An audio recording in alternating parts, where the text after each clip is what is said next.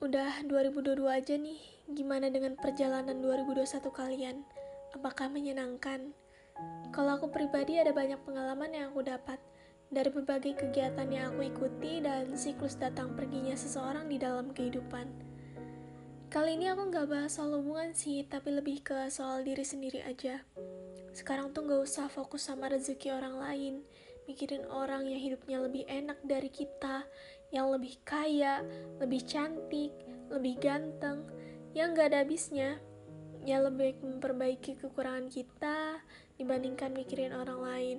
Fokus sama hidup kita sendiri, karena dari situ kita bisa meyakinkan bahwa diri kita juga bisa. Akan selalu ada bolongnya, selalu ada kurangnya. Ya, semuanya emang enggak benar-benar lengkap. Kadang yang dibilang orang juga benar bahwa mending kita pura-pura nggak tahu dan nggak mau tahu soal apa yang seharusnya kita nggak perlu tahu. Kita tuh nggak bisa juga ngasih harapan bahwa orang lain tuh bisa buat kita bahagia.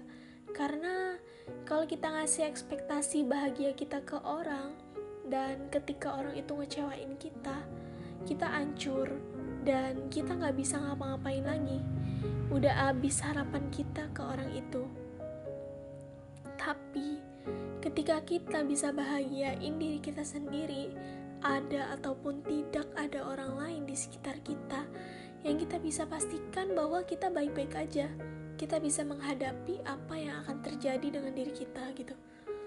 Allah selalu punya skenario yang baik dan kita nggak tahu gimana kita ke depannya. Makanya aku juga berharap sama diri sendiri nih. Di tahun ini aku bisa menjadi orang yang lebih baik lagi, lebih taat beribadah, lebih banyak mendekatkan diri dengan yang di atas.